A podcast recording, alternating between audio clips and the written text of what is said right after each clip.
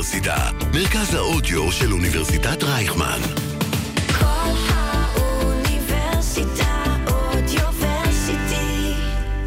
היום בחמוצים, אה, יום רביעי הגדול, אנחנו קצת נדבר על מה קרה שם, מה ההשלכות של זה, מה זה אומר.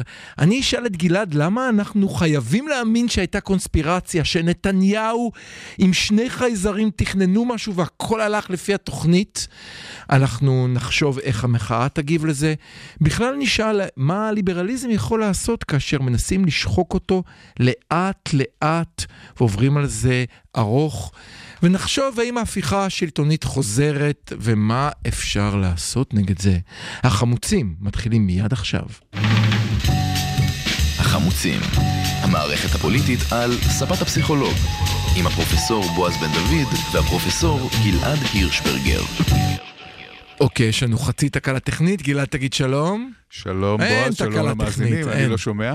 אבל אנחנו תחת אש הצלחנו לפחות לפתור את הבעיה שאתם תוכלו לשמוע את גלעד. אותך אני שומע, אז אה, שלום בועז, ושלום למאזינות ולמאזינים. הכי חשוב שאתה שומע אותי גלעד, השאלה אם אתה מאזין. מניסיוני אני אה, התשובה היא שומע לא. אותך, ואולי אם לא שומעים אותי זה בסדר, ישמעו רק אותך היום. הלוואי, יום אחד. אוקיי, בואו בואו נלך אחורנית אחרי שגמרנו עם השטויות.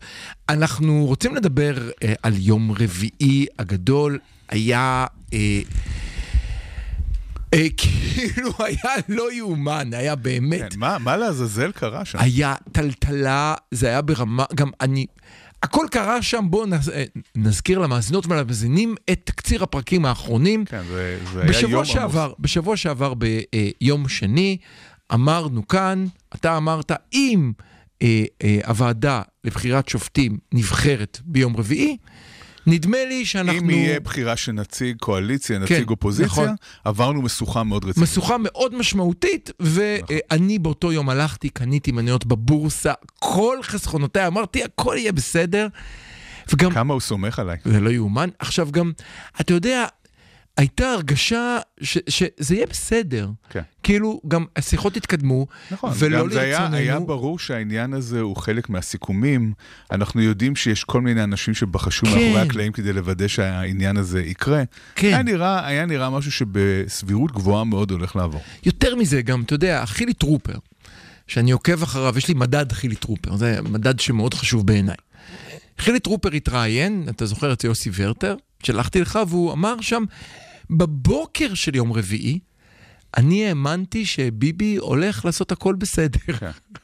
שאלו לא, אותו, גם, למה אה, האמנת לזה? מי אמר. לך? מי, הוא אמר לך בקולו?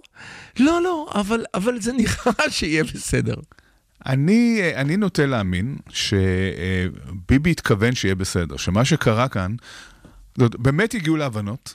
כן. גם אה, חילי טרופר וזאב אלקין, והיו כל מיני אנשים שהיו מעורבים לא, הפער בסיפור בין הזה. חילי טרופר, תראה, אה, אה, ברשותך, יש מדד זאב אלקין ומדד חילי טרופר, הם שני מדדים שונים. נכון, בסדר, לא חשוב. חילי אבל... טרופר זה האיש שייתן את הכליה הנוספת שלו בלבד שיהיה הסכם, כן. והשחמטאי הקשיש המסתכל מהצד יחייך ויחשוב על מהלך. אז אלקין הוא דווקא. השחמטאי, נכון. ואני, ואני, בגלל זה אני דווקא שם את אה, יהבי יותר על אה, אלקין מאשר על אה, חילי טרופר, שהוא בחור טוב, אבל לא. לא, הפול, לא הפוליטיקאי טוב הכי לך ממולח. ששניהם יהיו לך בצד שלך, זה נחמד. בסדר, איך שלא יהיה. איך שלא יהיה. היה נראה שבאמת לכולם יש את האינטרס נכון. שהסיפור הזה יעבור. נכון. למה? למה? כי כמו שאמרנו פה בשבוע שעבר, ביבי אה, מבין שאי אפשר לקדם את ההפיכה המשטרית הזאת, שהמחיר הוא יותר מדי כבד, אה, גם מבחינה כלכלית, גם מבחינה בינלאומית, יש, גם מבחינה ביטחונית, יש המון המון סיבות שבגללן אי אפשר לקדם את ההפיכה, והוא רוצה למסמס אותה בלי לבטל אותה. אממה, יש לו את הימין הקיצוני גם בתוך הליכוד, גם את יריב לוין, ויש גם את הציונות הדתית. שנייה, אתה תרשה לי כן, שנייה. כן, אני חושב אני יודע שאתה- שאתה חושב, אתה חושב אחרת. לא, לא. לא, אני לא חושב אחרת, אני חושב שאתה אומר ימין קיצוני וזאת הבעיה שלו, אני חושב שהבעיה שלו היא לא הימין הקיצוני, הבעיה שלו היא איכות האנשים שסביבו ולא רק הימין רגע, הקיצוני. חכה, זה, זה, אלה שני דברים נפרדים. אוקיי, מה שטרפד את הסיפור ביום רביעי זה הימין הקיצוני. אוקיי. יריב לוין. ושמחה רוטמן מהמם. וסמוטריץ', התנגדו מאוד לרעיון הזה שייבחר נציג אופוזיציה לוועדה, והם ניסו לחשוב איך עושים משהו כדי לטרפד את העניין הזה. ואז שמחה רוטמן גילה שיש איזשהו לופול בחוק. שאם יש רק שני מועמדים ויש יותר הצבעות נגד מאשר הצבעות בעד, דוחים את זה בחודש. ב-30 יום. כן, שזה חודש. נשמע, עכשיו תקשיב, זאת שיטת ביבי הידועה ביותר שיש. כן, כן. עכשיו רגע, רגע. לא, אני חייב להגיד לך, אני ביום רביעי, כשהבנתי שמשאירים שני מועמדים, אני הכיתי את עצמי בראש עד שנוצר לי חור פה בצורה של כף היד שלי. אמרתי, איך לא חשבתי שמה שנתניהו יעשה, בסופו של אני דבר, לא חושב, זה דחייה של אני- 30 יום. כאן אני, כאן אני לא מסכים איתך. אני חושב, אוקיי. אני לא חושב שזאת הייתה התוכנית המקורית של נתניהו. Mm-hmm. אני חושב שברגע שבאו הקיצוניים אליו ולחצו על העניין הזה, אז הוא... לא רוצה להתחייב לאף אחד. הוא לא רוצה מצד אחד לקדם את ההפיכה המשטרית הזו, מצד אחד, מצד שני הוא לא יכול לבוא אליהם ולהגיד להם לא. בגלל שאם הוא אומר להם לא, הוא יוצר משבר קואליציוני. כן. ולכן הוא אומר, אוקיי, בסדר, בואו נעשה כמו שאתם אומרים ונצביע נגד, ואז הוא אומר, בסדר, עוד, זה יהיה עוד, אה, עוד חודש. או שהכלב ימות או שהפריץ ימות. כן. אוקיי. גם עוד חודש יש לו, יש לזה כל מיני יתרונות בגלל uh, הבחירות בחירות בלשכת עורכי עורכי הדין, כן, נכון. זה, זה נותן עוד אינפורמציה שאפשר uh, לעבוד איתה. מהמם. אבל, uh, אבל אז, אבל הוא לא רצה את ה... הוא לא ניסה את התרגיל הזה מלכתחילה, זה קרה בגלל הפוטש שעשו לו הימין בתוך הקואליציה. אני חייב להגיד כאן משהו, סליחה, סליחה. לא, אתה יודע מה, בוא נצא מנקודת הנחה שאתה צודק, וזה היה אה, דברים שקרו בדקה ה-90 ולא תוכנית ראשונה. אני לא, אה, מי אני יודע. נוטה להאמין שזה מה שקרה. ונכון שיש אלפיים תיאוריות קונספירציה שכל לא, אחד יש לא, לא, לה אני- ורסיה אני- אחרת תכף שלהם. אני אדבר על תיאוריות קונספירציה, כי הן מעניינות אותי, והם שיחה שלמה, לדעתי ראוי לדבר רק על זה, וגם להשתמש מניסיונך המקצועי. אבל תראה, אה, אתה יודע, זה, אתה יודע מה זה מזכיר לי? שמהמחקרים שאני עם שותפיי בקרימינולוגיה, בא הגנב ואומר, אני לא התכוונתי לגנוב, אבל זה היה שם, והיה, ואף אחד לא הסתכל, והמצלמה לא עבדה, וחברים שלחצו עליי, ואז הכנסתי את היד. בסוף זה מה שהוא עשה. נכון. והאחריות לא. היא שלו, אה, הוא בסדר, ראש זה- הממשלה. אין, אין בעיה. אני, הוא עשה את אני לא מעשה מנסה- הנבלה. אני לא שהוא לא מנסה לשכנע אותך. גם הגנב לא מתכנן, ובסוף מוציאים אותו עם לא, הדבר אני לא ביד. אמרתי שהוא צדיק ולא אמרתי שאין לו יד בעניין הזה, הוא בהחלט ברגע שהעסק הזה עלה, אז הוא ניסה לחשוב איזה תחבולה הוא יכול לתחבל בשביל הוא גם להתקדם מראש העניין הזה. רשם תשעה אנשים שם, גם- בשביל שבדקה ה-90 הוא יוכל לקבל החלטה. זה גם מאוד מתאים, זה גם מאוד מתאים לנתניהו לעשות תרגילים כאלה, כן? בפירוש, בלי בכלל ספק. אבל אז נכנס קלף משוגע לתוך כל הסיפור הזה, שקוראים איזה לה... בחירת מילים. אני לא, אה, כשאני אומר משוגע, אני לא מתכוון לאדם עצמו, אלא ל... אה, כמטאפורה. חלילה, חלילה, חלילה, כן, כן. אה, טלי גוטליב, לא, היא כבר הגישה תביעה... הגישה תביעה כשמישהו אמר שהיא לא 100, אז אנחנו כן, אומרים, נכון, את אז- 100. את מאה. את מאה? אפילו, חמישים מאה אחוז. אפילו. כן, לגמרי. בכל מקרה, היא פתאום באה, כן. ואמרה, אני לא מסירה את המועמדות שלי. עכשיו, כל התרגיל הזה לא יכול לעבוד. אתה- אתה- אתה לא יכול לסיים את המשפט. המשפט הוא, למה מה תעשה לי? זה המשך המשפט. כן, אה, אה, יוסי ורטר בהארץ כתב השבוע, שהיא אה, באה לעשות חיים. היא, אה, היא רוצה לעלות על כל המתקנים. נכון. אני שזה תיאור... בלונה פארק, מה כן. תעשה לי? כן. אני רוצה, טנטרם, אשכרה טנטרם. כן. כן, היא יודעת שהעתיד הפוליטי שלה כנראה לא הולך אה, להיות... עכשיו אני כבר לא כן. בטוח. לא, לא, אני חושב שכבר... שרת כן, ההסברה הלאומית? כן, איך שלא יהיה... אה, מזכיר לך שהייתה לנו לא, אחת היא ש... לא שרת ההסברה. לא, לתו- אתה- לת- ככה נבחרה שרת ההסברה. כן, כן. זה אותו סוג, כן. אבל בכל מקרה, אה, לא, היא אני- אני חייב פתאום, לעצור אותך. היא נכנסה בתור הקלף שמת לב המשוגע. שהפעם מירי רגב הייתה זאת ואמרנו, אין, לא יכול להיות. ואז באה גלית דיסיטל ואמרנו, אין, ועכשיו באה טלי ואנחנו אומרים, אין. ברור לך שיש הדור לא, הבא. יש, ברור, ברור. אין, אין סוף לסוג כזה של אנשים, והם איכשהו תמיד נוחתים בתוך הליכוד. והם תמיד מקצינים מדור לדור, כי הם חייבים לבייש את כן. קודמיהם. אוקיי. לא, גם uh, כל השיטה זה לתפוס uh, תשומת לב תקשורתית, והיא מצליחה לעשות את זה בצורה uh, מדהימה. בכל מקרה, היא היוותה בעיה. וברגע שהיא נכנסה, אה, להצביע לה זה להפר הסכם אה, קואליציוני עם הציונות הדתית. נכון. שהם אמורים לקבל אה, נציג בוועדה, ולכן הצביעו נג, נגדה, אבל כן הצביעו בעד אלהרר, שכאן יש דבר מאוד מעניין, שזה ואני זה דרך אגב רוצה... נורא מעניין. אסור להפר, כאילו, שהפר קואליציוני הזה הוא חמור יותר מההסכם בבית הנשיא. אתה שם לב למה אני מתכוון? כן, אני, כן, הוא לא, הסכם. לא. זה, כרגע אין אה, הסכם בבית הנשיא, יש אה, אולי הבנות לפי השמועה. אבל אני- גם אפשר אולי הבנות עם, עם העוצמה לתת להם משהו אחר, אבל היה כאן החלטה של ראש הממשלה, מה חשוב יותר? טוב, זה לא שאין אה, בהיסטוריה מקרים של הפרה של הסכמים קואליציוניים, אבל, אבל הוא הוא לא, שעוד אבל ש- הוא לא רצה לעשות. שמפלגת הגזענות החדשה, כהנא חי החדש, חשוב יותר מ- ממני. כן. אוקיי, בסדר. אה, ואז אה, קרה דבר אה, מעניין נוסף, שאני חושב שכן אה, אה, נותן אה, תקווה. איזושהי תקווה ואופטימיות. כן. וזה שבהצבעה, באופן ברור לגמרי, היו עריקים מהקואליציה שהצביעו בעד אלהרר. לחלוטין. כבר לא ברור כמה, יכול להיות שיהיו יותר. כן. מספר העריקים נתון לוויכוח. יש כאלה שאומרים שמדובר רק בחמישה, ש... ושביניהם גם שמדובר רק נתניהו. ארבעה, שמדובר רק ארבעה. או שמד... המינימליסטים, המינימליסטים מדברים על ארבעה, ארבעה. שביניהם גם נתניהו. אה, אני חושב, לא, כבר אני חושב, ש... אני חושב נתניהו. שסביר להניח, ש... כמו, כמו שאמרתי קודם, אני חושב שהוא רצה להעביר את זה בשקט, אבל אוקיי. אה, אה, יש ארבעה במינימום, אבל יש סברה שהיא לא לגמרי אה, אה, נטולת לגמרי. יסוד. לגמרי. שליברמן גם רצה בפיצוץ של העניין הזה, ושאולי כן. הליברמנים גם כן. הצביעו נגד, ואז זה אומר שיש יותר ריקים מהליכוד, וזה... אה, ויש דווקא- רק בן אדם אחד שיודע את התשובה וקוראים לו ליברמן. כן, וליברמן ושותפיו, כן, אבל כן. ה- אה, העניין הזה אה, נותן תקווה, כי אמנם זו הצבעה חשאית, אבל זה אומר שיש מספיק אנשים שמצביעים נגד אה, אה, חוקי הפיכה, שמצביעים נגד אה, כל מה שיכול לקדם את הדיקטטורה גם בצד השני. וזה, וזה נותן, זה לא אומר שהם תמיד יהיו ככה, וזה כן. לא אומר שבהצבעות נכון, גלויות הם נכון. יצביעו בצורה כזאת, אבל עצם זה שהם שם, זה כבר אה, נותן איזושהי תקווה. אפילו אני, אני אצמצם אותך יותר, זאת אומרת, זה אומר שלפחות הם מבינים שהמצב, שהמצב שאליו הולכים הוא לא טוב, כן. והם רוצים לייצר איזושהי מ- הפסקה. מכל סיבה שלא תהיה, הם רוצים לעצור את זה. כן. כן. אה, וכאן גם אה, אנחנו מתחילים לראות כל מיני דברים מעניינים שקורים בתוך הקואליציה. מעניין. אה, אחד הדברים הראשונים שאנחנו רואים זה שש"ס תוקפים את בן גביר ואת הציונות הדתית. נכון.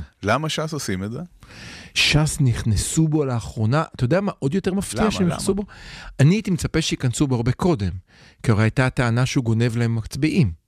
הרי אם אתה זוכר בבחירות. זאת לא הסיבה. והם לא מה- נכנסו בו עד אז. עכשיו למה נכנסו עכשיו נכנסים? בו. הרב הראשי, לא הבחירות לרבנות הראשית, זה לא זה? לא, זה לא הבחירות לרבנות הראשית. חלק אה. מהדיל מעניין. שכנראה נרקם פה בבית הנשיא, מהמם. זה החזרת אז דרך. החזרת דרעי, הכל סביב זה, שום דבר, שום דבר לא חושב שזה קשור הכל. החזרת דרעי. ולכן, אוקיי, עכשיו, יש את העניין של החזרת דרעי, שהבלגן גם שנוצר... הרב הראשי הוא לא משהו קטן. זה לא הדבר העיקרי, הדבר העיקרי הוא אוקיי. דרעי. הבלגן שנוצר אה, מעכב אה, או מפריע לכניסה החלקה של אה, דרעי Mhm. חזרה לפוליטיקה. כן. וכאן אנחנו נכנסים להצהרות שהיו בימים האחרונים של אה, קידום חלק מהחוקים. מהמם. זה גרם ישר לכל המחנה הליברלי לעמוד על הרגליים האחוריות ולהגיד, הנה, אה, הכל היה בעצם אה, תרגיל, גם השיחות בבית הנשיא הן אה, לא אמיתיות, כי הם מהמם. מתכוונים אה, לקדם את הרפורמה. אבל אם שומעים, אם מסתכלים על הניואנסים של מה שקורה, מהמם. אני לא בטוח שזה המצב. אני עדיין דבק בעמדה שלי משבוע שעבר, מהמם. שביבי לא רוצה לקדם את חוקי הרפורמה. מה הוא כן רוצה לעשות? אני- אוקיי, תכף אני אגיד מה העמדה? שלי, אבל אוקיי. הוא רוצה לקדם את צמצום עילת הסבירות. מה זה צמצום עילת הסבירות? צמצום עילת הסבירות אומר שתהיה עילת סבירות, אבל בנושאים מדיניים ובכל מיני אה, נושאים אה, מהסוג הזה לא תהיה עילת סבירות. ועילת הסבירות המצומצמת גם נוגעת לנושא דרעי, בגלל שהוא בעצם נפסל בגין עילת הסבירות, ואז אה, זה מאפשר להכניס אותו. עכשיו, הנושא הזה של צמצום עילת הסבירות זה לא שליפה מהמותן. אנחנו שומעים ברקע נכון. שרון דרמר הולך למי? את מי הוא. מבקר? הוא מבקר את אהרון ברק. מהמם. ומדבר איתו על העניין הזה, הוא הולך לכהן הגדול של השיטה ה- המשפטית שקיימת היום בישראל, מהמם. הולך אליו, ואהרון ברק משחרר אה, הצהרה, כאילו בנפרד, אבל זה כנראה על רקע הביקור של רון דרמר, ואומר, צמצום עילת הסבירות זה לא סוף העולם. זה משהו שאם זה יניח את דעתו של יריב לוין, זה מקובל עליי. מהמם. טוב. אז מה שאנחנו רואים כאן, אנחנו, אני חושב שגם חשוב שהצד שלנו מהמם. ינשום עמוק, ויסתכל באמת על מה שקורה, ולא ייכנס לפאניקה כל פעם שמנסים להעביר משהו, כי זה כן נראה בסופו של דבר שמנסים לקדם דברים בית, ברוח ההבנות המתגבשות בבית הנשיא, ולא אה, אה, קידום אה, הפיכה על מלא, כמו שחששנו ממנו בהתחלה. אז בוא אני אעצור רגע את פרץ האופטימיות שלך, למרות שאני לא אמור לעשות את זה, הפוך בדרך כלל, אנחנו משתדלים, אני הייתי אופטימי תמיד. ואני רוצה לשאול רק, אני, אני רוצה רק להעלות שאלות. בוא נעלה שאלה. השאלה הראשונה שלי כזו, אתה נכנס למשא ומתן, אוקיי, עם בן אדם נוסף. אתה אומר לו, אם תיתן לי א', אני מוכן להתפשר בב', אבל אם תיתן לי את א', אם לא תיתן לי את א', אני לא אתפשר בב', כי ב' יקר לליבי. אבל תקשיב, אם אין ברירה, אני אתפשר בב' על זה ועל זה, כי עם זה אני איכשהו יכול לחיות, כי זה כואב לי, אבל אני יכול לחיות עם זה, אבל תיתן לי את א', אוקיי? אם לא תיתן לי את א', זה לא שווה. מה עושה עכשיו ראש הממשלה וצוותו? אומר, אתם הסכמתם להתפשר בב'? יופי. את א' לא תקבלו. אבל את מה שהסכמתם, לאם ניתן לכם את א', אנחנו עכשיו נעביר כחוק. ומה תגידו לי? אתם כבר הסכמתם לפשרה הזאת. עכשיו, כן, כאן- במשא ומתן, שנייה, במשא ומתן, חלק מהעניין הוא שאתה מוותר על משהו. אי אפשר שהצד שלי לא יוותר על כלום. אני מסכים איתך. חלק מהעניין במשא ומתן זה אתה מוותר על משהו ואתה מבין את גבולות הכוח שלך כאופוזיציה. על מה אתה מתבכיין, שזה לא פייר? לא, אני לא מתבחן שזה לא פייר. אז על מה? אני חושב כן. שמה שקורה עכשיו גורם לשיחות בבית הנשיא להיראות לא כדרך הנכונה שתוביל אז אותנו למקום תרשה טוב. לי להציג לך פרספקטיבה אחרת. לך על זה. הזה. אוקיי. אני חושב שההפגנות והמחאה מהמם. הצליחו בצורה יוצאת מן הכלל. הם הורידו את ההפיכה מסדר היום. הורידו את ההפיכה מסדר היום. הולכים להיות שינויים חוקיים כאלה ואחרים, חלק מהם יהיו יותר סימפטיים, חלק פחות סימפטיים, אבל המעבר של ישראל למדינה שבה אין רשות אה, שופטת עצמאית, ירד לדעתי מסדר היום, אני לא רואה את זה קורה. אני אוקיי. חושב שיהיו יהיו כל מיני דברים אולי אה, אה, אה, שהם קצת באמצע, שהם, אבל שהם לא אה, פוגעים מהמם. באופייה הדמוקרטי של מהמם. המדינה. זה כבר הישג בלתי רגיל.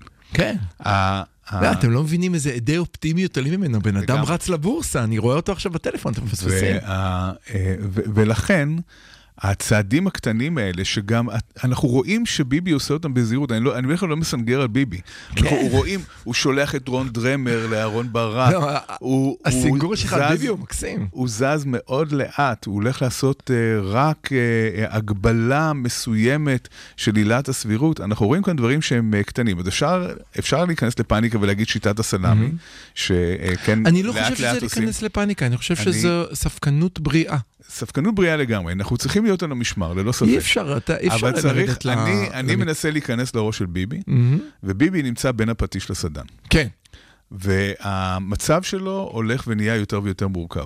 מהמם. בגלל שמה שקרה ביום רביעי, אפשר לראות את זה כתרגיל מאוד מתוח- מתוחכם שלו, אבל פגע בו מאוד פוליטית, פגע בתדמית שלו, אה, פגע בלכידות של הקואליציה שלו. צריך להגיד יש משהו. היום, יש היום אה, הרבה סכסוכים פנימיים, מה שסיפרת מקודם על אה, אה, גלית דיסטל, ו... אה, לא כן. נתת, הוא הוא לא הרשה לי, הוא לא הרשה לי להקריא בבקשה, את-. את פנינים של גלית לך סיטל על זה, ו- קדימה. ו- וחברותיה, אה, אותה חו- אותה שרה החשודה בכך שתמכה בנציגת האופוזיציה, דרך אגב.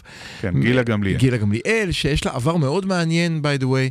היא עשתה, היא הייתה, היא זזה בין הצדדים, מצד אחד, אם אתה זוכר, הייתה בהתאחדות הסטודנטים, ושם היא אמרה דברים מאוד מאוד מתונים. יש לה אמירות מתונות גם בנושא הסכסוך הישראלי-פלסטיני בעברה. כן, חלילה, כולם, כולם אופורטוניסטים. חלילה, בסדר, ואז היא, ואז היא נהייתה זה, כן? הם ירדו אחת על השנייה בקללות על מי נעל, ב, מי, מי אבן מי בנעל. האבן הכל. בנעל אבן וכולי. בנעל. אבל, אבל רגע, אבל רגע. כאן אני רוצה... רגע, אבל, אבל כאן אני, אני רוצה רגע לעצור אותך, ותכף נמשיך, אנחנו צריכים לעצור לשיר, ואז נמשיך הלאה. אני חושב שנתניהו הראה משהו, נחשף ביום רביעי בצורה מאוד מיוחדת. הוא נחשף כמי שלא שולט נכון. במצב. לגמרי.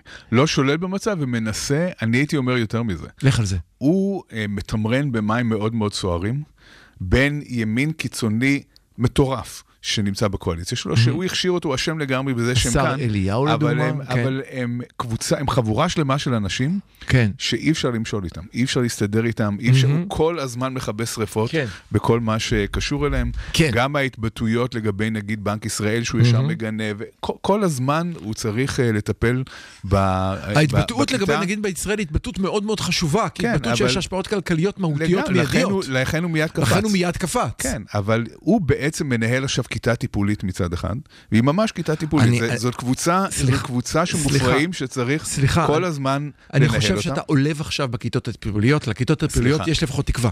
כן. אה, איך שלא נגדיר אותם, אוקיי, קבוצה באמת מאוד מאוד קשה, מופרעת, קיצונית, כן. שכמעט אין לדעת מה הם אה, מוכנים לעשות. אה, מצד שני, יש לו את הלחצים האמריקאים, יש את הלחצים הכלכליים, יש את המשקיעים, יש את המציאות יש בחוץ. את המציאות בחוץ. הם כל הזמן אמרו, אנחנו נכון. בעלי הבית, תנו לנו להיות בעלי הבית, נעשה סדר.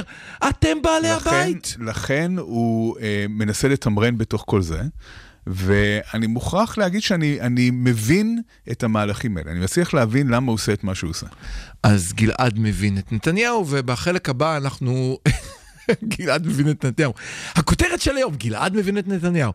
אה, ובחלק... מבין, לא מסכים, לא מסכים, אבל מבין, כן, ב- במידה מסוימת. מבין וסומך אפילו, ובחלק לא, הבא, לא, לא, אה, לא תן. לי, אני, תן לי לעשות לך פרפרזה מרושעת.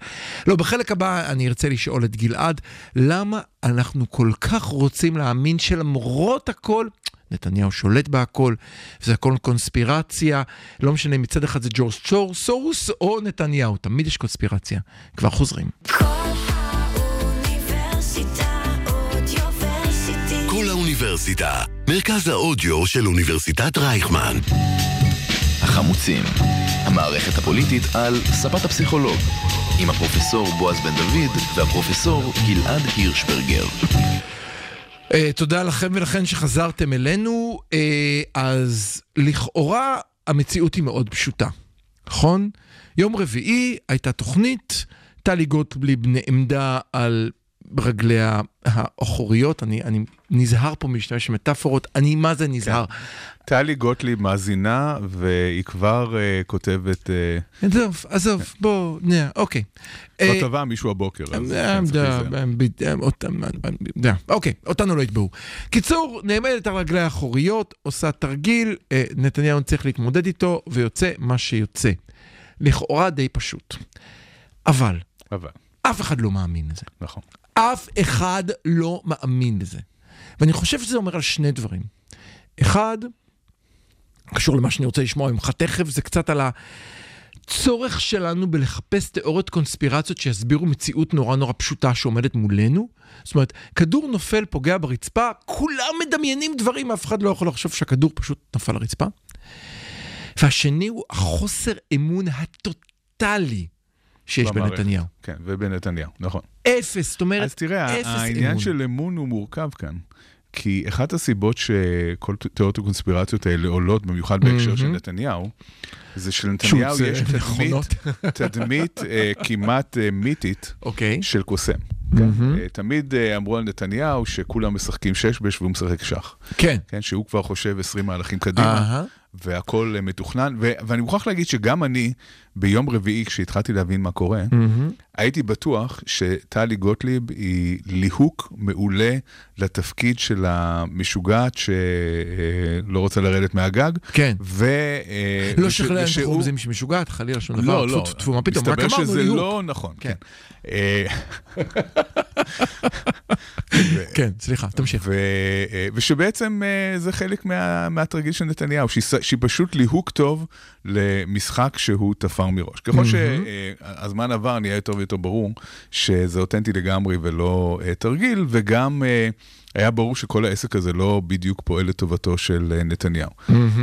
אבל, אבל, אה, זה, זה נכון שהוא אה, אוהב לעשות אה, טריקים שונים, ושהתרגיל הזה היה יותר טוב מבחינתו מכל דבר אחר. זאת אומרת, הוא, הוא שוב מנסה לתמרן בתוך אה, מציאות שהיא מורכבת, והתמרון הזה היה יחסית אה, תמרון אה, סביר עם מחיר מסוים שהוא שילם אה, בסופו. תשמע, בסופו של דבר זה, לכאורה זה, זה אפשר להסתכל על זה ולהגיד, הייתה כאן הברקה. מצד אחד הוא הרגיע את המחאה כי הכניס נציג האופוזיציה. מצד שני הוא הרגיע את המשוגעים שלו כן. כי אין ועדה. השורה התחתונה, כולם, השורה. התחתונה היא בסדר. השורה התחתונה זה שהמחאה רגועה, הקואליציה יציבה, הכלכלה לא נפגעה. כן, כל הדברים ש... נכון. שהיו יכולים לקרות, הגרועים שהיו יכולים לקרות אה, לא מהמם, קרו. אז נמנעו. הוא- אז הוא איכשהו הצליח לעבור את זה בצורה שהיא חצי סבירה. מהמם. אבל שאלת לגבי קונספירציות. כן. כן. אז זה נכון שאנחנו אוהבים קונספירציות ונוטים לקונספירציות. אגב, מי לדעתך נוטה לקונספירציות, ימנים או שמאלנים? אתה רוצה שאני אגיד אה, ימנים, נכון? נכון. אתה רוצה שאני אגיד? ואז מה התשובה הנכונה? אה, שכולנו נוטים לקונספירציה? לא, התשובה הנכונה שימנים. לא, אבל... אה, לא, אני כבר מפחד ממך. כאן הטעיתי אותך. אבל כן. התשובה הנכונה היא שאנשים קיצוניים נוטים לקונספירציות. אוקיי. ושבימין זה יותר חזק. איך אנחנו יודעים את זה? אנחנו יודעים את זה ממחקר עצום שנעשה בכמה עשרות מדינות ברחבי העולם. מגניב. גם אני הייתי שותף למחקר מהמם. הזה, שפשוט רצה לבדוק את השאלה הזאת, מה הקשר בין תיאוריות קונספירציה לעמדות פוליטיות, ו- מהמם. ומצאנו אה, ממש בצורה מאוד קונסיסטנטית אה, בהרבה מאוד אה, מקומות, שבאמת רואים אה, קונספירציות יותר בקצה, זאת אומרת, אנשים כן. במרכז נוטים פחות לקונספירציה, אבל יש אה, בהחלט אה, נטייה חזקה יותר בימין. זאת אומרת, הימין הקיצוני הוא עוד יותר קונספירטיבי מהשמאל הקיצוני. לפופוליזם או לימין? מה אתה חושב, מה אתה אומר? זה אנשים ש... אתה יודע, זה קשה להגיד, זה אנשים כן. שמגדירים את עצמם כימנים, זה בדרך כלל הולך עם פופוליזם. זה... נכון. כן. אבל כאן השאלה היא, אוקיי. מה זאת קונספירציה ולמה אנשים מאמינים בזה? מה זאת זה- קונספירציה? זהו, אחת הבעיות הראשונות, רציתי לשאול אותך במחקר כזה, זה מה זה קונספירציה? נכון. איך אתה מגב- איך אתה מגדיר קונספירציה? אתה, אני, אני אשמח לשמוע איך אתה מתמודד עם זה. תגיד אה, אינטואיטיבית, מה אתה חושב? אינטואיטיבית קונספירציה, הייתי מתחיל בדברים הנורא נורא פשוטים, דברים שכולנו באמת, יש קונצנזוס מדעי ברור למה הם, ואנשים נותנים להם תשובה לא נכונה. סטייל ארץ השטוחה, או שסוכני, אה, חשאיים מזריקים לנו משהו, או שהציפורים הם כולם, אתה מכיר את הסיפור הזה? ציפורים אבל- אינם אמיתיות. כן, הלכתי רחוק כאן- מדי? כן, אה, אתה, אני חושב שהלכת רחוק מהגדרה, בגלל שאתה שילבת אה, קונספירציות עם, עם סתם אמונות שווא. הבנתי. זאת אומרת, אוקיי. אה, אם אתה אה, מאמין שיש איזה אה, איש שגר בשמיים ושייצר ייצר את העולם בשבעה, בשישה כן. ימים ונח ביום השביעי, זאת לא תיאוריות קונספירציה. זאת אוקיי. אמונה שאפשר להאמין בה ואפשר לא להאמין בה. מהמם. אבל אם אתה חושב שמאחורי הקלעים האילומינטי בעצם שולטים בכל הממשלות בעולם, אה, זאת כבר קונספירציה. אם אתה מאמין שהאנשים שבעצם מנהלים את המדינה הם לא אנשים שאתה חושב שמנהלים את המדינה, כן? שיש בעצם, בעצם את הפוליטיקאים, אבל יש deep state שמנהל את הדברים, זאת כבר חשיבה שהיא יותר קונספירטיבית. אז מה הרעיון של קונספירציה? הרעיון של קונספירציה זה שיש איזושהי אתה שליטה... מסתבך פה בהגדרה, אלוהים. רגע. כן. יש איזושהי שליטה אהה. שהיא לא ידועה, בדברים שיכולים להיות אקראיים ולא נשלטים על ידי משהו. אתה תיארת עכשיו דת. יש שליטה לא ידועה נכון, בדברים נכון, אקראיים, נכון, זה נכון. דת. אה, בדת יש מרכיבים מסוימים שהם קונספירטיביים, אבל בדת המהות היא לא קונספירטיבית. אם, אם ידוע שאלוהים הוא זה ששולט בהכל, זה לא קונספירציה, אתה אומר כן, זה ה... אבל אם אה, היית אומר שמאחוריו יש איזה... כי זה נסתר ורק אני ואתה יודעים את זה, ואחרים מנסים להשתיק את אני אתן לך האמת. את הדוגמה הכי, הכי קלאסית של קונספירציה. אוקיי, הפרוטוקולים של זקני ציון. אוקיי. אוקיי, הפרוטוקולים של זקני ציון זאת קונספירציה קלאסית. כי מה אוקיי. בעצם הקונספירציה הזאת אומרת?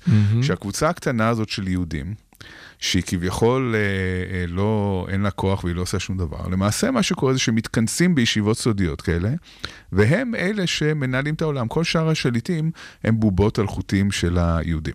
זאת קונספירציה, אוקיי? עכשיו, למה אנשים מאמינים בקונספירציות? מה יכולות להיות הסיבות הפסיכולוגיות? אני חושב שכשאתה מאמין, קודם כל זה נותן לך להרגיש מאוד מיוחד.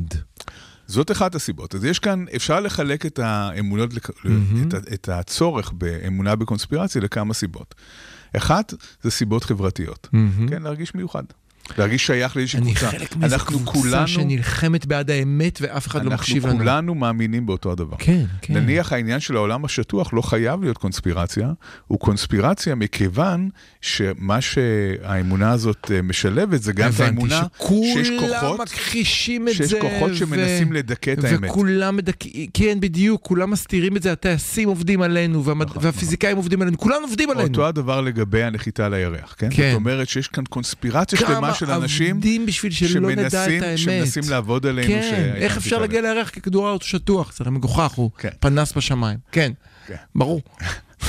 אז, אז יש צרכים חברתיים, אוקיי, יש גם צרכים אפיסטמולוגיים. מה זה אומר? אתה צריך להסביר זה את אומר עצמך. שאנחנו מחפשים תשובות לשאלות, אנחנו מחפשים להבין למה דברים קורים. מהמם. ויש משהו מאוד מאוד לא מספק בלחשוב שמשהו פשוט קרה. כן, ש, שפשוט אה, ברור. אה, משהו נורא. עכשיו, ככל שהדבר הנורא שקורה הוא יותר בעל משמעות, ככה אנחנו יותר נוטים לחשוב שמוכרחה להיות סיבה יותר עמוקה ויותר אה, מדהימה למה שקרה, מאשר הסיפור ה, ה, שאנחנו מקבלים. עכשיו שוב, אם אני רואה משהו מיוחד קורה, ואני אומר זה קרמה, אני אומר זה אלוהים, אני אומר זה היונגיאני שמדבר על התת-קולקטיב המלא של כולנו, תת-מודע הקולקטיבי, זה לא קונספירציה. זה נהיה קונספירציה כאשר, זה נהיה קונספירציה כאשר אתה חושב שיש איזה שהם מנגנוני שליטה לא ידועים שמנסים להחביא אותם ממך. הבנתי. עכשיו, אוקיי. אז ניתן, ניקח דוגמאות של אה, מתי אנחנו אה, חושבים בצורה קונספירטיבית. אם ניקח למשל אה, משהו כמו רצח ג'ון לנון. אוקיי. כן. העובדות הן פשוטות. העובדות הן יחסית פשוטות. כן. אבל בגלל שזה אירוע מאוד דרמטי במערב, בתרבות אוקיי. המערבית, אנשים לא מסתפקים בתשובות הפשוטות. חייבת להיות סיבה, לאירוע גדול חייבת להיות סיבה גדולה. הבנתי. לא יכול להיות, אה, לא יכולה להיות הבנתי. סיבה טריוויאלית לאירוע גדול. אוקיי. אז אלה הסיבות האפיסטמול- האפיסטמולוגיות, אנחנו צריכים לקבל הסבר. אוקיי, מעניין. יש גם סיבות שהן יותר אה, קיומיות, אה, אקזיסטנציאליסטיות, וזה שאנחנו, אה, מאוד קשה לנו לחיות בעולם שדברים קורים בצורה אקראית. אנחנו רוצים להרגיש ברור, בטוחים. אנחנו ברור. רוצים, אז אנחנו מעדיפים לחשוב ש... עדיף לחשוב ג'ורג'- ששנשלת טעה, אבל לפחות זה עושה סדר בעולם. נכון, אנחנו מעדיפים לחשוב שג'ורג' סורוס הוא זה שאחראי לכל הדברים הרעים, מאשר שדברים סתם קורים. זאת אומרת, זה נותן לי דברים- שליטה. אני רוצה שליטה נותן בעולם, תחושה של שליטה. ואני נכון. שולט בעולם כי אני מבין מה קורה. עכשיו, מכיוון שנתניהו ראש ממשלת ישראל, כן. אנחנו מעדיפים באיזשהו מקום להאמין שהוא אה, קספרוב של הפוליטיקה, כן? שהוא יושב מול לוח השחמט ומזיז בצורה מאוד מתוחכמת את כל המהלכים ויודע בדיוק מה הוא עושה, אוקיי. מאשר שהוא חסר מדליק. שליטה, שהוא בתוך אה, מערבולת, שהוא לא אה, שולט במה שקורה, והוא איכשהו מנסה להחזיק את הראש מעל המים. אומרת, בוא- בוא- זה די מפחיד אותנו לחשוב ככה. תן לי רגע לשחק את, ה, לשחק את המשחק שאמרת. אה, אפשר להסתכל על יום רביעי בצורה הזאת. נתניהו אשם בהכל, בסדר, אמרנו, ראש ממשלה, אבל הוא תכנן משהו אחד, טלי גוטליב דפקה לו את התוכנית, אה, ואז הוא אכל אותה והיה צריך להתמודד עם מה שיש. זה הסבר לא מספק. מה פתאום, סתם טלי גוטליב קרתה? מה קורה שם? הסבר הרבה יותר מספק, זה להגיד, לא. הוא הודיע לה שהיא צריכה לעשות את זה, והוא סגר את הכל לפני, והוא עשה את השיחות אצל הנשיא מתוך ידיעה שזה לא יקרה, והכל תוכנן לרגע הזה, זה הרבה יותר מספק. עכשיו הוא יודע את זה. הוא יודע שאנש, שאנשים חושבים בצורה כזאת. אני יכול להגיד לך שביום חמישי ב-6 בבוקר, שהלכתי לחדר כושר לפגוש את המדריך אה, אה, כושר הביביסטי שלי, הוא קיבל את פניי ואמר לי, איזה גאון, איזה גאון, ראית מה הוא עשה? שאלתי, אמרתי לו, לא יאומן. אמרתי לו, מה, מה, תסביר לי, מה הגאון? כאילו, מה, מה בדיוק קרה שגרם לך לתגובה כזאת? עצם זה שקרה משהו מאוד לא צפוי, שנראה כמו תרגיל אה, מלוכלך כזה, גורם לאנשים לחשוב, הכל היה מתוכנן. יש כאן איזשהו מהלך שחמטאי, נורא מורכב, אה, שאף אחד לא מצליח להבין אותו עד הסוף, ורק ביבי ישב בקור רוח ותכנן אותו. עכשיו אני רוצה לשאול שאלה. אה, אוקיי, הבנתי איך זה משרת את תומכי נתניהו, אני יכול להבין את זה. אני חושב שזה גם ש... סליחה, בלעתי מילים. אני חושב שזה גם משרת אותנו. גם משרת את אנשי המחאה, להאמין שנתניהו הוא מאג כל יכול. למה? אני חושב שאחד הדברים, אנחנו, הדבר הבא שרצינו לדבר עליו באמת זה על המחאה. אה, אחד הדברים שקורים כאן עכשיו עם המחאה זה שהיא היא, היא קצת נרגעת. זאת אומרת, אנחנו לא במרץ, אנחנו לא בתקופה שלפני פסח שהכל היה מאוד uh, סוער, וזה קצת uh, מלחיץ את המחאה מהבחינה הזאת שהנה, יש כאן כוח גדול שהצלחנו uh, לייצר, ואסור שהדבר הזה יתמסמס. Uh, נתניהו עושה הרבה מאוד uh, צעדים שהם הם בסופו של דבר יכולים להרגיע את המחאה. מהמם. זאת אומרת, אנחנו לא רואים שום דבר מאוד קיצוני. ש- להרדים, אני הייתי אומר, אבל אוקיי. להרגיע, להרדים, לא משנה. אנחנו לא רואים דברים קיצוניים שקורים. אני, אני, כמו שאמרתי קודם, אני מאמין שהוא עושה את זה בגלל שהוא הבין שאי אפשר לקדם את החוקים האלה. אני, אוקיי. כאן אני, אני אכניס עוד uh, נקודה קונספירטיבית. אני רוצה להאמין, ואין לי שום מידע לגבי זה, אבל אני רוצה להאמין שחלק מהסיפור שקורה מאחורי הקלעים זה איזשהו הסדר לגבי נתניהו עצמו. אני חושב שכל העניין הזה של משפטי נתניהו הפך להיות uh, סכנה קיומית למדינת ישראל, ממש. זאת אומרת, כל המערבולת שנכנסנו אליה, היא בגלל הניסיון שלו למלא את עצמו בכל דרך אפשרית מאימת הדין, ומוטב לנו שנמצא דרך אה, לשחרר אותו מכל זה, ואולי גם מהחיים הפוליטיים, כדי שנוכל לחזור להיות מדינה כן, הוא- רבע נורמלית. הוא לא ישתחרר מהחיים הפוליטיים, אבל אתה מעלה כאן, אתה פשוט עברת נושא מיד בלדבר על, על נושא המשפט נתניהו. אני, אני לא בטוח שאני חולק עליך בנושא משפט נתניהו, אבל אני רוצה רגע לחזור לבסיס. אה, אה, והשאלה שלי אליך הייתה, למה אנחנו כל כך רוצים את זה? ואני חושב, אני, אני אגיד את הזווית שלי, אני גם מתייחס למשל לנאום, לא נאום, לטוויט של אה, ליברמן. מהמם. עכשיו, ליברמן זה לא אה, בועז בן דוד יושב אה, במרתף וכותב טוויט סוער על תיאוריות קונספירציה של אילומינטי. עם כל חוסר הכבוד אליי. ליברמן הוא ראש מפלגה גדול, הוא שועל פוליטי ותיק, הוא איש שבוחש ורוכש. ליברמן יוצא בהודעה, הכל כאן מתוכנן, נתניהו עשה ככה, הוא עם ש"ס הצביע ככה, הכל זה ככה, הוא כבר סגר דיל עם לפיד והסיגרים עוברים במחשכים. חוץ מהסיגרים הכל אמת. נכון, צריך. להבין מה ליברמן עושה. כן, ליברמן כבר הרבה זמן, מי כבר אה, אה, נמצא קצת בשוליים. נכון. אה, ונחלש, הוא לא במרכז העניינים.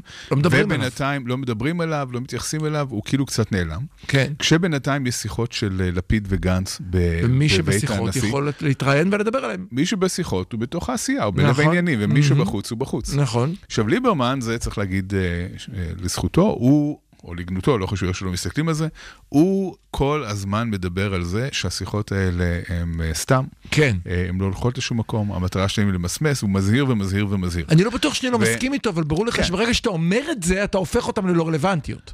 אתה לא ברגע שאתה אומר, אני-. לא, אתה- ברגע שאתה אומר, "הס- המשא ומתן הוא לא נכון כי משקרים עליך, משקרים עליך, אתה בעצם, זה סוג של אמונה שמגשימה את עצמה תוך כדי אמירתה. בגלל הכוח הפוליטי המצומצם שלו, זה כן. לא בדיוק אה, עובד ככה, אבל, אוקיי. אבל, עד עכשיו הוא רק אה, נבח מחוץ לבית הנשיא. ברגע שיום רביעי קרה, הוא יכל להגיד, אמרתי לכם, תראו, כל הזמן כן. הזהרתי, כן. אמרתי לכם, אמרתי לכם שזה מה שהוא יעשה, אתם לא האמנתם לי, אתם כל פעם, הוא אמר על אה, גנץ, פעם אחת כבר החלקת על בננה. כן. כן, אתה, אתה לא לומד, אתה לא לומד מהתיאוריה כן. של עצמך. כן, כן, כן. ו, אה, וזה נותן לליברמן רלוונטיות וכוח, והרבה מאוד אנשים מסתכלים עליו ואומרים, וואלה, באמת. אני לא זוכר, אחד העיתונאים מה, מה, מהשמאל אה, כתב השבוע, שלא נעים לו לומר זאת, אבל ליברמן נשמע כמו המנהיג השפוי והמפוכח ביותר במחנה הליברלי. רק שלא יעיד כנגדו, כי אנחנו זוכרים מה קורה לעדים שרוצים להעיד נגד ליברמן. לא, זה גם דבר נורא מעניין של איך ה- אה, המסגרת של מה נורמלי כן. אה, זזה כל הזמן. טלי אה, גוטליב ליב- מייצרת לנו מסגרת חדשה, כי אסור לה, היא מאה, נכון? ב- בתחילת שנות האלפיים, ליברמן, זה היה בחרצופים, או ב... לא, לא, הוא זה- היה, קראו לו דוברמן, והוא היה, הוא, הוא נתפס בתור הנציג של הימין אפ- המופרע. אפילו בארץ נהדרת, אני לא יודע אם אתה זוכר, בחירות שהוא הלך להצליח הרבה, ו- וכן, ו- וצחקו על זה שהוא הולך, אה, אה, עשו לו שיר, אם אתה זוכר, עם ג'ינגיס חאן. אה, הוא, זוכר, אבל מי כן. בא, ליב- אני זוכר את השיר מי בא ליברמן בלי מרץ, בלי כנסת, בלי סדרות של סייד קשוע, זאת אומרת, אני אהרוג את כל השמאל, ליברמן מבין ערבית, זה הקטע שלו, אתה זוכר? פתאום, אז ליברמן, שהיה הנציג, המייצג המובהק ביותר כן. של הימין הקיצוני, הפך להיות אה, ליברל אה, ששמאלנים אה, מחבקים אותו באהבה. אז אחרי, ש... change. אחרי שגמרנו עם החיבוקים ועם uh, הקונספירציות, אנחנו בחלק הבא ננסה לשאול uh, על נושא השחיקה, המחאה, הליברליות. נדבר על זה בזמננו שנותר. Uh, תישארו איתנו.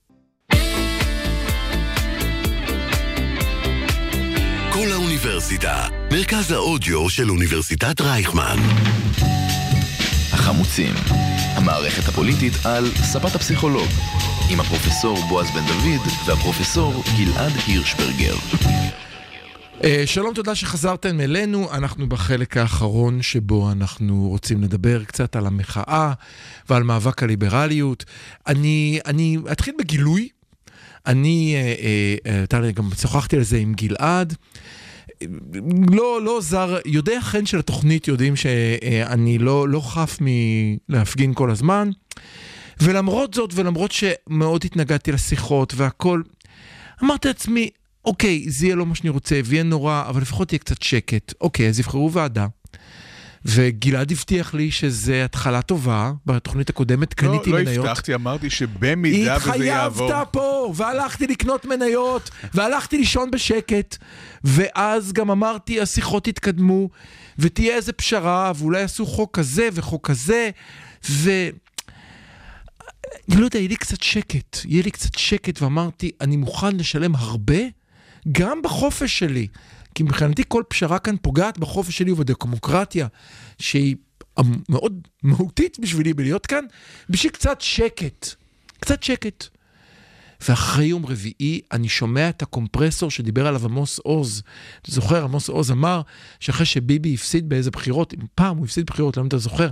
אמר, אני מרגיש כאילו הקומפרסור בחוץ הפסיק לעבוד ויש לי קצת שקט. פתאום הקומפרסור התחיל לעבוד, והוא אומר שהוא חוקק את החוק הזה, אתה אומר שהוא חוק קטן, אני לא בטוח, אני לא יודע. אני מרגיש שאני חייב להיות אנגרד, כי אם לא יהיה אנגרד הוא יעשה יותר מזה. אה, אז תשמע, בועז... אוף, אה, אוף, כבר היה, שקט. כן, אחרי המונולוג הזה, לא, כן. זה, היה, זה היה חסיפה.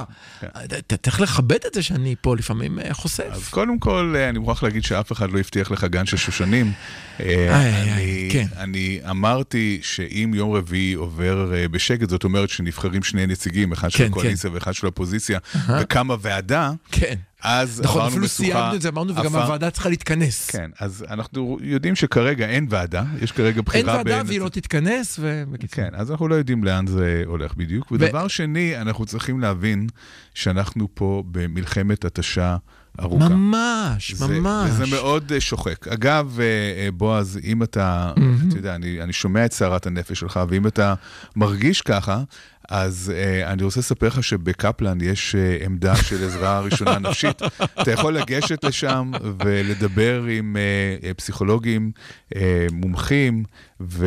תמיכה ראשונה נפשית, תמיכה זה ראשונה בקפלן נפשית. פינת לסקוב, אנחנו בארבע עמדות בארץ עכשיו. וכן, ואפשר גם אפילו לקבל דף שיש בו עצות לאיך שומרים על החוסן שלך כן. בעת אה, אז, דחיקה, אה, כן. כן, בועז הוא אולי הסנדלר כדאי שהולך שתקרא את זה. יחף. כן, כן. אתה אה, לא ו- הראשון שאומר את זה. לא, יש גם סיבה שהקמת את זה, תקשיב, זה לא סתם. כן, ברור. Uh, בכל מקרה, uh, אין ספק שיש שחיקה מאוד משמעותית.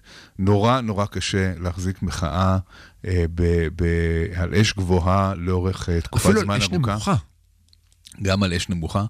והמחאה מחפשת כל הזמן מה לעשות עם עצמה בשבועות האחרונים. זאת נכון. אומרת, וכל מיני ניסיונות, האם אנחנו נלך נגד החרדים, האם נלך אה, נגד זה, אולי צריך לחזור לנושא של השטחים, אולי... כל הזמן מחפשים אה, מה לעשות עם האנרגיה הזאת. בשביל לשמור על המילואים עדיין בכושר. אני נכון. חושב ששקמה הסבירה את זה מאוד יפה. אמרה, יש מילואים, צריך לשמור על המילואים בכושר. לא כולם חייבים לשרת בקבע. כן. אז כאן, אה, אתה יודע, הסיבה שכולם ב- בלחץ מהעניין הזה, זה שאנחנו מפחדים שנחזור למה שהיה לפני המחאה. נכון. שכל הציבור הליברלי אה, שוב ייכנס לתרדמת. נמנם. ו- כן. ויקרו דברים, ו- והוא לא יעשה שום דבר.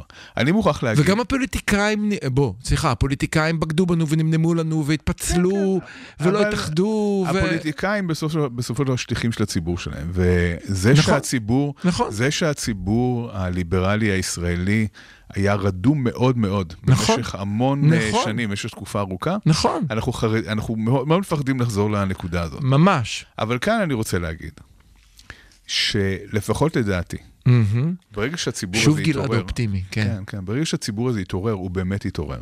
אנחנו כבר מה, בשבוע 24? אהה, שבוע 24 של הפגנות שלא יורדות מה-80 אלף uh, כל שבוע, mm-hmm. רק בקפלן 80 אלף, כן, בכל רחבי הארץ mm-hmm.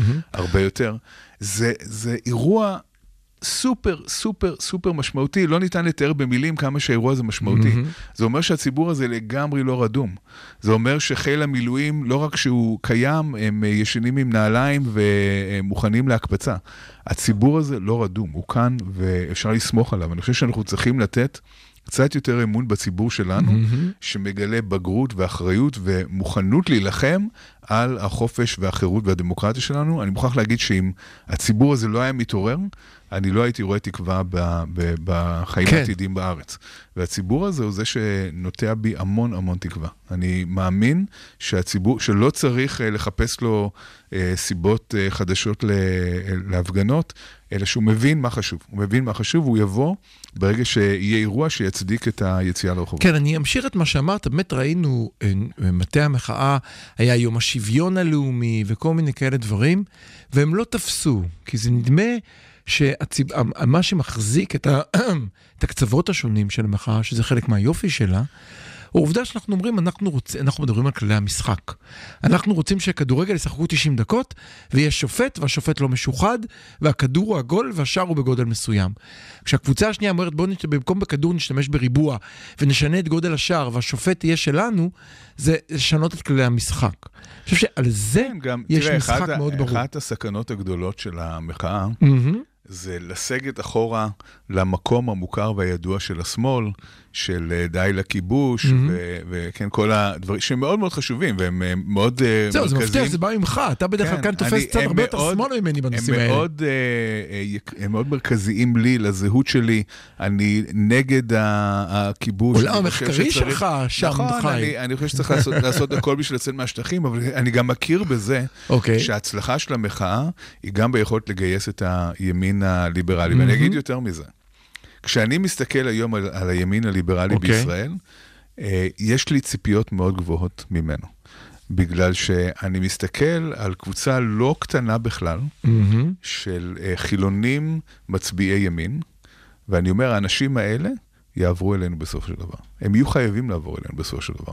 הם לא יצליחו לחיות עם הסמוטריצ'ים והבן גבירים, אין מצב. הם לא יצליחו לחיות עם, ה, עם החרדים. גם אם הם מאמינים שצריך להתנחל על כל uh, גבעה. כן, uh, uh, כל ה- ה- האנשים שהיום אנחנו רואים אותם בתור uh, יריבים מהצד השני, בסוף, זה לא אומר שהם יהיו די לכיבוש, הם לא יהיו. אבל הם, הם יילחמו לצידנו על האופי הליברלי והדמוקרטי והחופשי והפתוח של מדינת ישראל. אנחנו צריכים את האנשים האלה לידינו. אני רוצה, אני רוצה לרגע להיות אופטימי איתך. כן. זה רגע לא פשוט לי, שתבין, פה אני, אני, גיל, אתה לא מבין אם זה מבט תוקע בגלעד. תראה, אני רוצה לדבר על הממשלה הקודמת, שהייתה באמת בגדר נס, ואני עכשיו מכה על חטא על כל שבוע, שאמרנו משהו שלילי עליהם. גם שאמרתי משהו שלילי פה, וגם שלא יצאתי כל מוצאי שבת להפגין מתחת לבית של בנט אה, העם איתך. ממש, אני אומר, אני כל שבוע בקפלן, מה הייתה בלנסוע לרעננה לעמוד שם עם שלט ודגל, מה, מה הייתה הבעיה? אני חושב ש... בועז היה מפגין לטובת אה, בנט העם אני- איתך. אני- זה, זה, אני- הייתי צריך לראות את הייתי, המחזה הייתי הזה. בשתי הפגנות כאלה. הייתי בשתי הפגנות כאלה כשהממשלה עמדה ליפול, היו שתי הפגנות שעשו למען בנט, ואני הייתי שם לגמרי.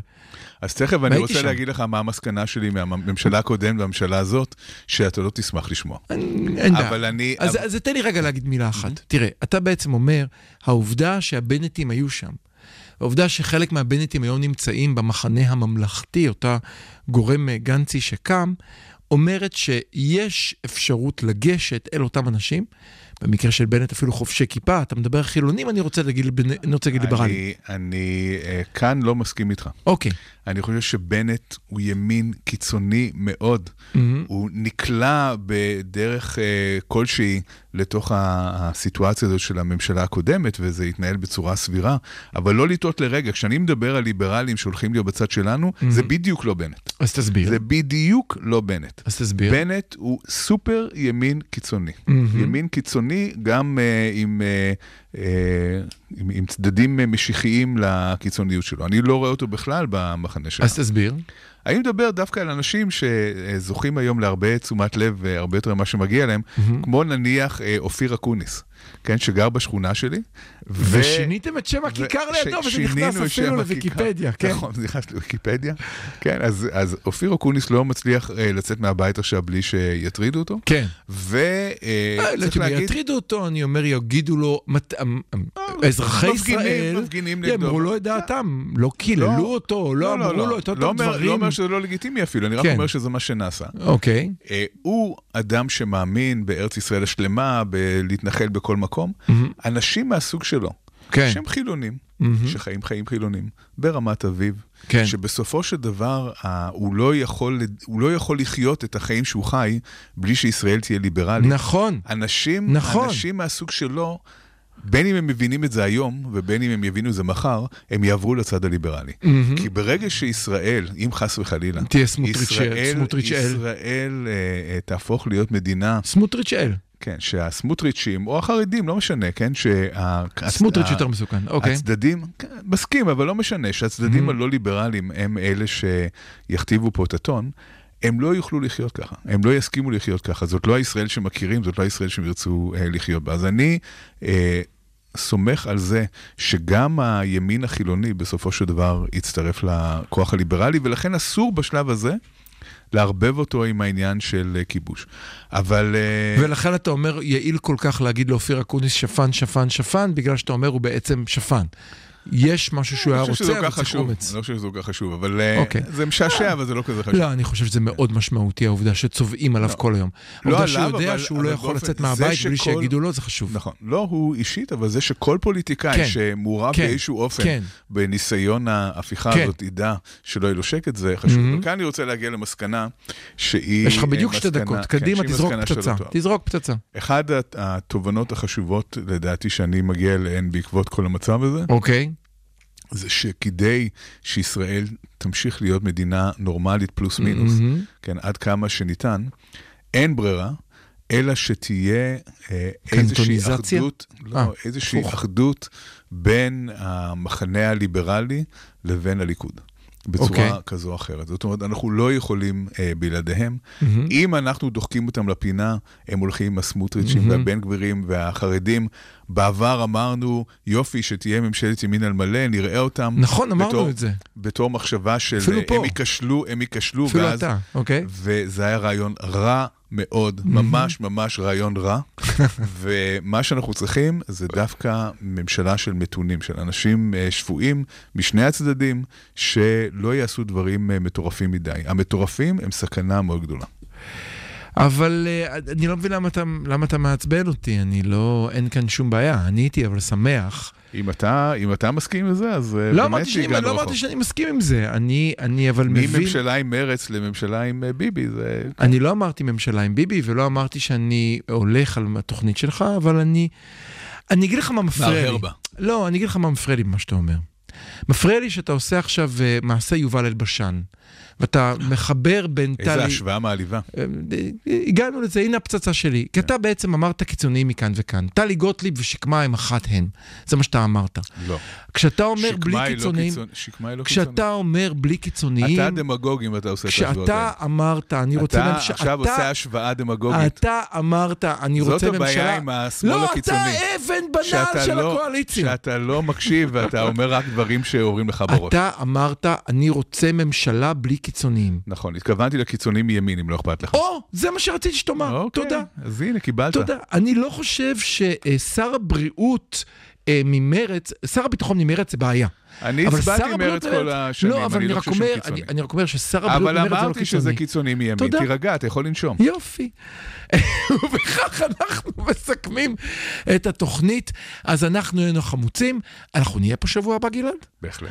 יום שני, שבוע הבא, התחייבנו כאן בשעה 10 נהיה. אני מאמין שעד אז עוד יהיו התפתחויות קיצוניות, אנחנו לא יכולים אפילו להתחייב על מה אנחנו נדבר.